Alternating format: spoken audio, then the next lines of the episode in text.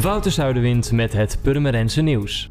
In 12 gemeenten in Nederland begint een proef om beter hulp te bieden aan jongeren die dakloos zijn of geen thuis meer hebben. Naast onder andere Amsterdam, Rotterdam, Den Haag en Utrecht heeft ook Purmerend zich aangemeld voor de pilot van het actieprogramma Dak- en Thuisloze Jongeren.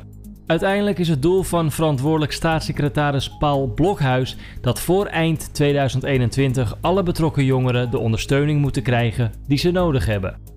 Maandag 6 mei start het vernieuwen van de riolering en het aanleggen van het warmtenet in Overweren Zuid.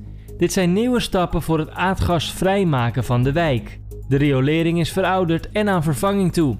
De werkzaamheden worden gecombineerd met de aanleg van het warmtenet die het gas vervangt. Overweren Zuid is gekozen voor project aardgasvrij. Het uiteindelijke doel is om heel permanent aardgasvrij te maken. In Bibliotheek Waterland wordt op zaterdag 11 mei een middag georganiseerd voor kinderen tussen de 6 en 12 jaar oud. Bij deze middag gaan de kinderen hun eigen stukje stad maken op een grote wereldbol. De middag begint met een quiz die wordt gehouden door wethouder Thijs Kroesen. Kroesen vindt het belangrijk dat kinderen meedenken over de toekomst van Purmerend. En vanaf nu kun je via de Mijn Gemeente app een losse stoeptegel, kapotte lantaarnpaal, zwerfafval of wildgroei doorgeven aan de gemeente Purmerend. Deze meldingen konden altijd al worden doorgegeven op het stadhuis, telefonisch en via de website, e-mail of sociale media, maar daar is nu de Mijn Gemeente app bijgekomen. De app is te downloaden in de App Store of de Google Play Store.